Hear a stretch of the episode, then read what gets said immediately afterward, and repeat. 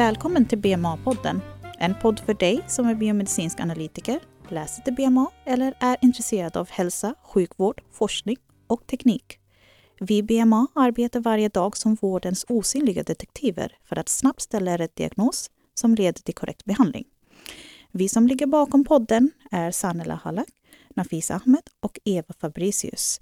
Och vi arbetar som BMA vid Skånes universitetssjukhus. Mitt namn är Nafisa Ahmed. Dagens avsnitt kommer att handla om vårdens detektiver, biomedicinska analytiker. Ett yrke där det analytiska tänket används varje dag och vid varje patientundersökning. Från första mötet med patienten och vidare till en bra undersökning som plötsligt kan visa sig vara både svår, både tekniskt, men även med tanke på fynd, patologi och då man behöver tänka i andra banor. I studien har jag med mig idag Andreas Malmgren och Barbro Källström. Vi börjar med att ni får berätta lite om er själva. Andreas Malmgren heter jag, arbetar som biomedicinsk analytiker och klinisk lärare vid avdelningen för klinisk fysiologi och nuklearmedicin i Malmö. Och jag blev färdig biomedicinsk analytiker 2007 och jag läste vid Malmö universitet. Därefter så läste jag en magisterexamen och tog ut denna i slutet av 2011 är eh, doktorand på deltid vid Lunds universitet där jag forskar om ehm, kvinnligt idrottshjärta. Och eh, klinisk lärare har jag varit vid kliniken sedan ehm, slutet av 2017. Eh, ja, Barbro heter jag. Jätteroligt att vara med.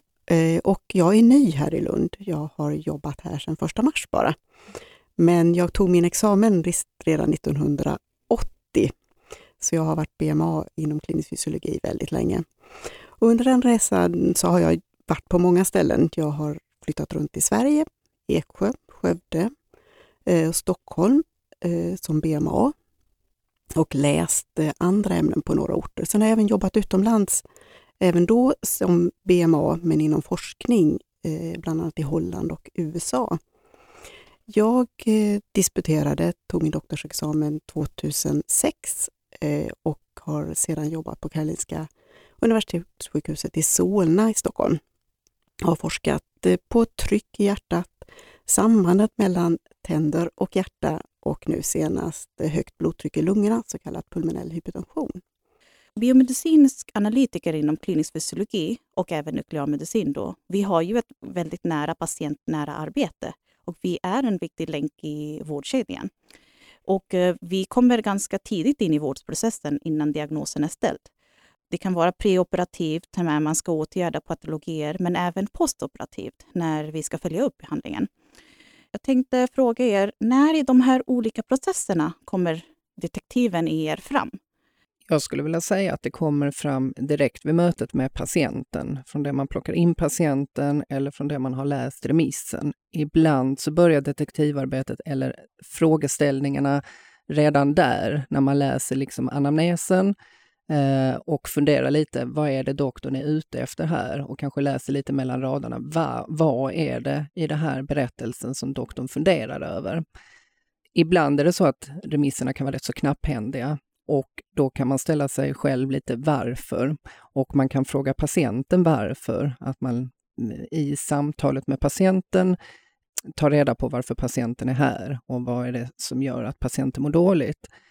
Sedan under undersökningen så försöker jag ha hela tiden det här tänket att eh, koppla eventuella fynd vid undersökningen eh, med anamnesen eller med frågeställningen för att så, på så vis försöka utröna Eh, eller försöka förklaring till eh, patientens besvär.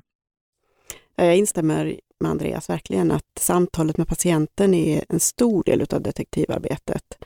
Eh, om man tar ett exempel som de flesta av oss gör, kör ett arbetsprov, så är det inte alltid det står i remissen, utan det står att patienten har till exempel extraslag. Vi ska undersöka om det är en arytmi Eh, och när kommer den? Och då får man ju prata med patienten och säga, är det när du vilar? Är det när du anstränger dig? Lite för att veta om man ska vara beredd och när man ska leta efter de här eh, extra slagen. Men också att förstå betydelsen av det och eh, hur, hur patienten upplever det. Så att, instämmer verkligen. Och så har vi ju ett väldigt nära samarbete med våra läkare. Och när jag säger våra läkare, då pratar jag om kliniskt fysiologiska läkare. Hur mycket dialog känner ni att ni har med dessa läkare under olika undersökningar? Eh, under de undersökningar där läkare är närvarande så ser jag alltid till att man har kontakt med läkaren. Det är jätteviktigt när man till exempel återigen kör ett arbetsprov eh, eller någon annan undersökning liknande det. Eh, så att man vet att vi bägge två har kontroll på patienten, om det händer någonting, att man är med. Men också efteråt att diskutera fynden. Det är ju inte alltid att vi har sett samma sak. Vi har kanske tittat, en har tittat på EKG, en har tittat på blodtrycket. Så kommunikationen är väldigt, väldigt viktig. Men också att efteråt, för att vi ska kunna utvecklas, att diskutera eventuella fynd eh, och försöka förstå. Och det är viktigt att läkarna kommunicerar med oss med vad de ser. Det är en tvåvägskommunikation. Jag skulle också säga att vi har ett fantastiskt samarbete med våra läkare på klinikerna, men även med läkarna som remitterar till oss också, för det händer ju ibland att vi samarbetar direkt med läkarna ute på olika vårdavdelningar där vi utför undersökningarna.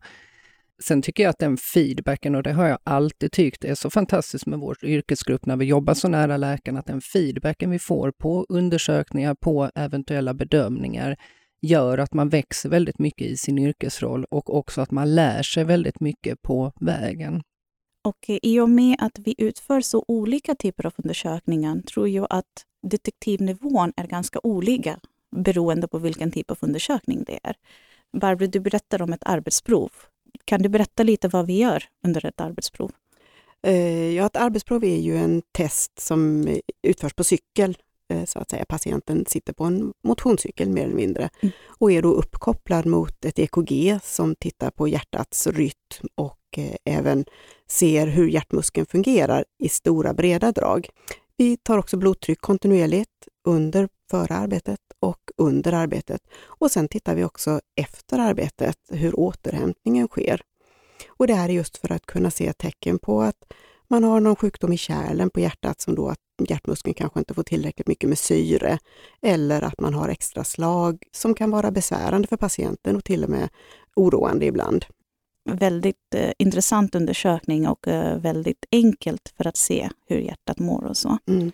Eh, Andreas, du håller på mycket med ultraljud. Där tror jag att det är ganska mycket självständigt arbete också. Då tror jag att det krävs lite mer som ett detektivarbete för att eh, läkaren är oftast inte närvarande. Det är rätt Nafisa. Sen ska, man, eller sen ska man komma ihåg att det kan se olika ut på olika arbetsplatser runt om i landet. På en del ställen beroende på läkarbrist och där biomedicinska analytiker tar ett väldigt stort ansvar kan det vara så att man utför arbetsprov självständigt. Jag skulle vilja säga på ekokardiografi vad gäller själva undersökningen så kan man som biomedicinsk analytiker eh, vara själv på labbet och då vill man ju, eller tanken är ju när man gör den här undersökningen, att den ska vara så representativ som möjligt. Det vill säga att när en läkare sedan eftergranskar bilderna så gör de ju det i tron om att jag verkligen har fått med allt som är väsentligt vid själva undersökningen. Så det ställer ju stora krav på att göra korrekta, bra mätningar, stora krav på att verkligen ha tittat igenom hjärtat ordentligt, så att säga, från de vyerna som är möjliga. Um, och att man gör det med väldigt god kvalitet och um, verkligen arbetar för att upprätthålla den här kvaliteten och arbeta utifrån de riktlinjer som vi har vad gäller snitt och bedömningar och mätningar. Nu när vi börjar prata om undersökningar, då är det ju mycket tekniskt arbete vi har. Det är ju väldigt mycket kritiskt tänkande. Vi måste också veta hur vi hanterar de här ovanliga fynden. Till exempel vid ett arbetsprov kan man ju upptäcka lite mer seriösa saker. Det kan ju vara någonting som patienten måste läggas in för ganska omedelbart. Hur brukar du tänka vid eh, de här situationerna, Barbro? Ja, bemötandet är ju otroligt viktigt. Och för oss här i Lund i alla fall, det är ju läkaren som tar den biten. Men jag skulle vilja säga att när vi bara kör ett vilo-EKG, vilket innebär att man gör den här undersökningen, tittar på hjärtat eh, och hjärtrytmen eh, medan patienten vilar bara. Då står vi ju helt själva. Mm. Och där ser vi ju ovanliga fynd och där är vi ju också mer självständiga och kan ju då behöva ringa på läkare och det är väl oftare där patienten faktiskt blir inlagd, att vi hittar fynd som inte är förväntade. Och då gäller det att hålla sig lugn, att aldrig rusa ut ur rummet, förklara för patienten att jag ser någonting och därför så kommer jag kontakta en läkare som ska titta på detta. Och känner jag att jag inte kan lämna patienten så går jag ut och ber någon kollega eh, ta över och kontakta läkaren medan jag är kvar hos patienten. Men det gäller väl att hela tiden förklara, vara tydlig. Patienterna idag är informerade på ett helt annat sätt än de var för 20 eller 30 år sedan. De vill ha information helt enkelt. Det går inte att lämna och säga att kommer tillbaka. Då blir de misstänksamma och oroliga och det brukar inte vara bra för hjärtat. Hur skulle du säga undersökningstekniken är på ultraljud? Jag vet ju att det kan vara en utmaning, både när det är svåra, svårundersökta patienter och när man kommer på ovanliga fynd. Hur ska man tänka med eh, då? Jag tror också att precis som Barbro är inne på att vi vinner ingenting på om patienten blir ännu mer orolig. Samtidigt ska man ju komma ihåg att de befinner sig just på det rätta stället.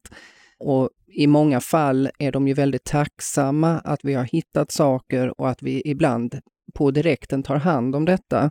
Det är ju inte helt ovanligt, framförallt på arbets-EKG, men det händer även vid eh, ultraljudsundersökning av hjärtat, alltså ekokardiografi, att patienterna blir inlagda direkt på vårdavdelning och då framförallt eh, kardiologen, alltså hjärtavdelningen. Och då sker ju detta i samarbete med våra läkare som kontaktar andra läkare så att säga, så att patienten blir omhändertagen väl när den är på plats. När det gäller eh, den tekniska biten på ultraljud så brukar jag säga så är det svårundersökt så är det svårundersökt, det vill säga att vi kan inte få fram bilder som är helt omöjliga. Då får man ju ta de eh, så att säga ekokardiografiska snitten som är möjliga att ta och sedan brukar jag säga till både de jag lär upp men även till studenterna att ibland så får man acceptera att det blir ingen fullständig undersökning, men den blir så pass komplett åtminstone att man kan svara på frågeställningen. Och då tycker jag att det är det som är det primära, för det är det doktorn sen, den inremitterande doktorn, kommer arbeta vidare med så att säga, när det gäller kanske uppföljning eller behandling av patienten. Det största bekymret som jag kände också när jag började arbeta är att vi inte är så synliga. Det är ju en viktig länk i vårdkedjan. Hur tycker ni att eh, vi borde visa oss själva lite mer? Jag tror att mycket hänger på oss själva. Alltså om det är någon som ska synliggöra oss som profession så är det verkligen oss själva. För det råder inget tvivel om, tycker jag, när man är ute och föreläser eller representerar oss som yrkesgrupp, att eh, både andra vårdprofessioner får en aha-upplevelse och tycker att wow, vilken kompetens ni besitter, wow, vad duktiga ni är och wow, vilket intressant arbete. Sen behöver kanske det här nå ut till den stora massan så att säga, men det är ändå små steg på rätt väg. Jag kan bara säga när jag föreläste här för ett tag sedan, en kurs i början på året vad gällde mm, ekokardiografi för ST-läkare inom anestesi och IVA, de var superimponerade över de ekokunskaper som vi har exempelvis. Och sedan tycker jag att det är viktigt också att säga att jag kan undervisa fram till det jag är bra på, det vill säga att jag kan utföra undersökningen på ett bra sätt och bedömningen. Sedan kanske man får överlåta den medicinska kompetensen till läkarna. Eh, ja, jag instämmer, jag har inte mycket att tillägga utan eh, det är vi själva som får jobba på att visa oss. Vi ska ju också komma ihåg att vi är en liten yrkesgrupp inom klinisk fysiologi när man träffar på allmänheten och säger att man är labbas eller biomedicinsk analytiker så är det ju inte klinisk fysiologi de tänker på oftast. Och jag tror att många tror, som möter oss tror att vi faktiskt är läkare, patientmötet, just därför att vi har en bred och djup kunskap inom anatomi och fysiologi som kanske motsvarar, åtminstone på den tiden jag gick, så motsvarade det det man läste på läkarprogrammet. Så vi får ju väldigt mycket respekt utav patienterna direkt tror jag. Eh, och där kanske vi behöver förklara att vi är en annan arbetsgrupp just för att göra reklam för oss själva och eh, få deras barn och barnbarn, för de är ju oftast äldre, de flesta vi träffas, men att inse det roliga i det vi gör och att det är spännande yrke.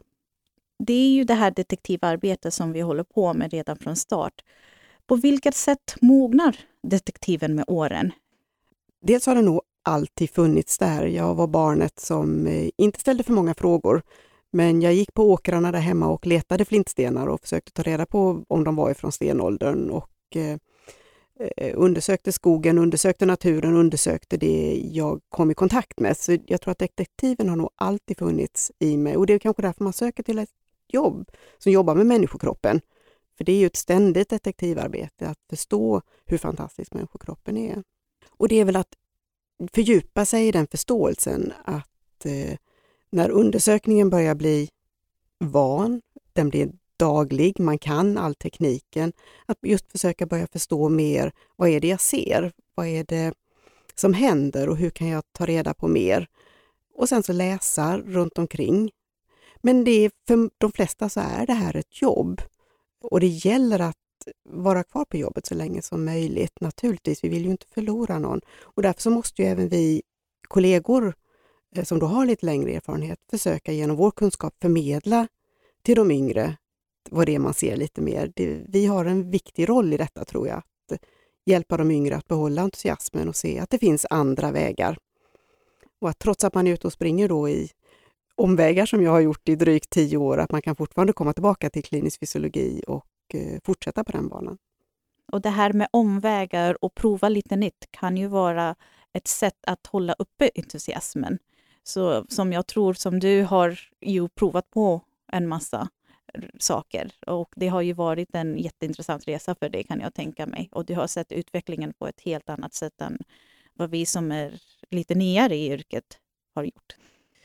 Då vänder jag mig till Andreas. Hur tycker du att detektiven i dig har mognat genom åren?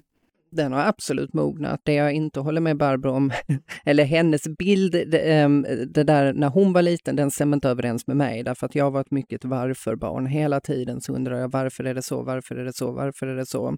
Och så är jag fortfarande, men kanske lite mer tystlåten.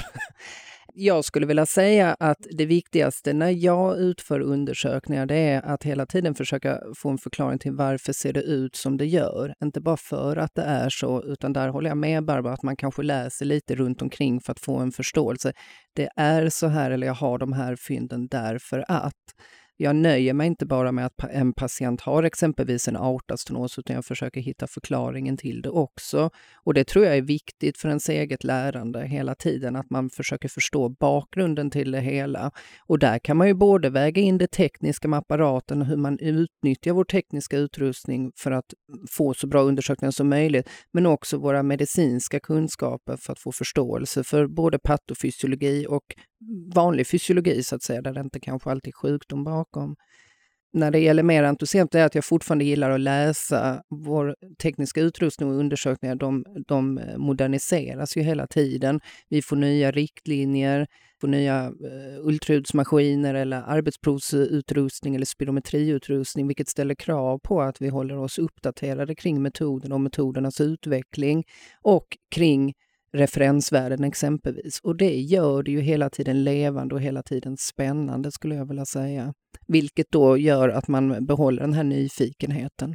Men också att mötet med patienten ska vi ju inte glömma bort att prata med patienterna. Eh, vi får, man får höra så mycket livsöden och så roliga och tragiska och fantastiska historier. Även under ett vilo-EKG så kan man få reda på att patienten är adopterad, vad som händer på bröllopet, vad som händer med barnen. Alltså man har en minut på sig och man kan få så mycket information under ett helt arbetsprov eller ultraljudet får de inte prata så mycket, men under de här perioderna att eh, prata med patienten, inte bara om sjukdomen utan många av de här är äldre och de har otroligt mycket att berätta. Och Det gör också att man levande gör sitt arbete på ett annat sätt och behåller intresset. Håller helt med. Och jag skulle också vilja säga det att i allt det här som vi pratar om, eh, som Barbro är inne på, att vi inte glömmer bort patienten helt enkelt, för det är ju för dem vi finns till. Så även eh, de här mm, nya moderna utrustningarna och så, det kommer ju patienterna till gang, men det är ju fortfarande patienter vi arbetar med dagligen. Och eh, just att det är så stort och varierande i och med att man kommer till jobbet varje dag och man vet inte hur dagen kommer se ut. Det är så spännande i sig och det är väldigt intressant att jobba så där, tycker jag personligen. Då tänkte jag höra med er, ni har ju en väldigt bred kompetens kan man säga. Ni har, har både arbetat kliniskt, ni har arbetat med forskning, ni har arbetat med undervisning också. Hur tycker ni om man vill gå den vägen? Vad är det bästa sättet att börja Jag tror liksom att det började med nyfikenhet helt, helt enkelt. Och sen är det så att jag har hela tiden varit en nischad eh, biomedicinsk analytiker. Sedan jag blev klar då för 12 år sedan så har mina skötebarn varit EKG och ekokardiografi. Och det har också väckt en nyfikenhet. Hur kan jag ta det här ett steg längre? Eh, man blir kanske involverad i andra forskningsprojekt som inte är ens egna och det väcker en nyfikenhet eller en lust att själv ta sig an någonting. Och där tyckte jag, då som jag läste en magister, eller tog en magisterexamen, var ett bra sätt att börja. Man, man skrev ett magisterarbete, det vill säga ett examensarbete inom ett fördjupningsområde och då inser man att jo, men det här var rätt kul. Att man kanske har saknat här att komma tillbaka till skolbänken och förkovra sig teoretiskt. En annan fördel som jag varmt kan rekommendera det är att jag hela tiden har behållit en fot i kliniken. Jag har aldrig studerat på heltid så att säga, utan har jobbat kliniskt och så har jag haft forskningen vid sidan om. Och det tycker jag är en bra kombination. Dels nyfikenhet och det här hela varför-tänkandet när man forskar och så kopplar man det till det kliniska arbetet undervisning, det tycker jag är extra spännande därför att det trodde jag aldrig att jag skulle hålla på med för att jag tycker inte om att prata inför andra. Men jag har vuxit in i det också och det kanske är en trygghet i mig själv att försöka inse att jag är bra på det jag gör och jag har mycket att förmedla kring det jag gör rent kliniskt. Att en viss um, trygghet i att ha jobbat så länge med de här undersökningarna som jag jobbar med, vilket jag kan ta med mig när jag är ute och föreläser för studenter eller för andra professioner eller externt. Det gör väl också att man får fler förfrågningar helt enkelt. Alltså jag instämmer med Andreas och jag tror att det här är en väldigt, väldigt bra väg att gå. Att testa på och se vad man vill göra. Min väg har varit mycket mer det som jag kallar bananskalsvägen. Jag har fått erbjudanden och sett möjligheterna i dem och hoppat på. Eh, jag har också ibland eh, tagit ett steg. Jag eh, slutade vara BMA under ett år och läste konsthistoria och tänkte fortsätta forska inom konsthistoria. Men fick då ett erbjudande att flytta till Stockholm och jobba med, som forsknings-BMA på forskningsavdelningen på hjärtkliniken där och tänkte att ja, jag forskar om konsthistoria kan jag göra lite senare och blev kvar i Stockholm i, i tio år och fick då erbjudande om att flytta utomlands och jobba med forskning inom industrin. Och under den tiden så blev jag också då erbjuden att eh, disputera på Karolinska hemma i Sverige och tog den chansen. Sen efter tio år så kände jag att eh, familjen betydde mycket hemma i Sverige och jag ville flytta hem och eh, gjorde det och fick då nya möjligheter. Och kände väl att det var dags att bryta med forskningen uppe i Stockholm och sökte då jobb och fick möjlighet att komma ner till Lund. Så att våga ta chanserna, att inte vara rädd att ställa frågor till andra, för det är så man synliggör sig själv. Och så tänkte jag på det här med att presentera, eh, vilket jag tror att många av oss tycker är jättejobbigt. Och eh, jag har gått teaterkurser och improvisationskurser och annat för att våga ställa mig på en scen. Så det har vi allihopa. Jag skulle inte ha suttit här idag utan de kurserna, det ska jag säga. Så att det är också ett sätt att komma vidare, att prova på någonting annat. Det finns många vägar man kan ta och eh, mycket att utforska helt enkelt. Och att man kan verkligen gå in på det man är intresserad av. Vi pratar ju om detektiven och detektiven, då tänker man ju mycket på Sherlock Holmes. Då har vi Sherlock Holmes kompanjon Watson. Har vi någon sån i vårt yrke, tycker ni? Först och främst skulle jag säga att kompanjonen är patienten i många av våra undersökningar så behöver vi patientens medverkan för att kunna leverera bra undersökningar. Vid ett arbetsprov exempelvis så behöver patienten cykla så bra som möjligt, givet att de inte mår jättedåligt och vi får avbryta, men annars vill vi att de ska anstränga sig maximalt, precis som Barbro var inne på, för vi vill se att hjärtat syresätter sig som det ska vid ansträngning, plus att det kanske är just vid ansträngning patienten har sina besvär. Vid spirometri, alltså lungfunktionsmätningar, vill vi att patienten presterar så bra som möjligt så att vi får så bra lungvolymer som möjligt. Vid andra undersökningar patienten kanske behöver ligga still um, för att vi ska eh, kunna ta bilder exempelvis på nukle inom nuklearmedicin när patienten ligger i kamera. Så att uh, patienten är väl den främsta kompanjonen. I övrigt skulle jag vilja säga dels kollegor, läkarna framför allt också och sedan eh, andra vårdprofessioner som vi samarbetar med både internt och externt. Vi ska inte glömma bort alla de som gör första mötet med patienten som sitter i receptionerna. Eh, våra sekreterare som ringer till patienterna. Vi har eh, undersköterskorna som hjälper oss med mycket daglig praktiskt, som ser till att allting fungerar runt omkring oss. De har ju också en väldigt viktig del i att, att få hela den här kedjorna, hela systemet att fungera, att, att hjulen rullar helt enkelt. Vi, vi behöver alla varandra i, i det här yrket och jag tror att det kanske är lite svårt att definiera Sherlock och Watson och hyresvärdinnan som brukar springa upp och ner för trappan i det hela här. Men eh, det är en helhetsbild där vi ibland intar olika roller tror jag. Hur eh, kompletterar man varandra och hur lyfter man varandra tycker ni? Vad är det absolut viktigaste när man ska samarbeta? Det är väl respekten för varandra. Utgå ifrån att vi alltid alla gör så gott vi kan. Att själva utbildningen egentligen inte är det viktigaste. Den kompetens vi har gör att vi kan mer om vissa saker och mindre om vissa andra saker. Men det innebär inte att min kompetens alltid är bäst, utan den kanske är riktig i det läget och eh, behövs en annan kompetens i, i ett annat läge. Så just respekten för varandra och att lyssna och hålla en god ton, eh, alltid. Acceptera eh, är väl det man jobbar väldigt mycket på här och som jag eh, faktiskt eh, trivs väldigt bra med sen jag kom till Lund. Jag känner att det är en fantastisk arbetsplats vi har här i Lund. Jag vill tacka alla kollegor för detta. Sedan skulle jag också vilja säga att jag tycker det är viktigt att man lyfter goda exempel för att det sker dagligen. Och, jag, och det är inte helt fel att ge kollegor beröm. Tacka för ett gott samarbete, tacka för en trevlig arbetsdag. Ge beröm helt enkelt. För det tror jag att vi alla behöver någonstans och jag tror vi alla växer av det också. För vi gör ett bra arbete och vi, som Barbro är inne på, vi har olika kompetenser, men vi är alla lika viktiga och vi bidrar alla till den goda arbetsmiljö som vi har. Absolut, det håller jag fullständigt med om. Då vill jag tacka er båda för att ni har varit närvarande och tagit tid att ställa upp till detta. Det har varit ett jätteintressant eh, samtal med er och eh, det har varit jätteroligt att höra på er, era historier som BMA och hur ni har bidragit som detektiver inom vården då tackar jag för mig. Nafisa Ahmed heter jag och så avslutar vi dagens avsnitt.